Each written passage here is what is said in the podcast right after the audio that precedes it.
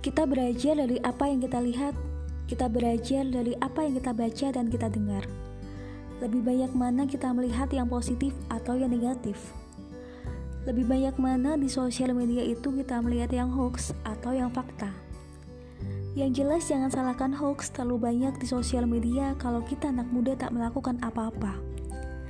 Jangan salahkan jika terlalu banyak yang menjadi trending di YouTube adalah konten-konten anfaedah. Kalau kita anak mudanya tak melakukan apa-apa untuk menghasilkan konten yang lebih berfaedah, untuk menekan mundur konten yang anfaedah tadi.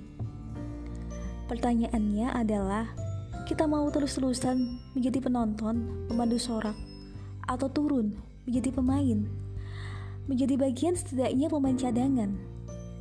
Mari tidak lagi menjadi bagian anak muda yang eksklusif. Mari buka mata, buka pikiran, dan buka diri apa yang sekarang tengah terjadi. Mari bersiap dan mari mengambil bagian. Bukan tentang seberapa besar bagian yang kita ambil, tapi keinginan untuk menjadi bagian tadi. Menjadi bagian yang membawa perubahan.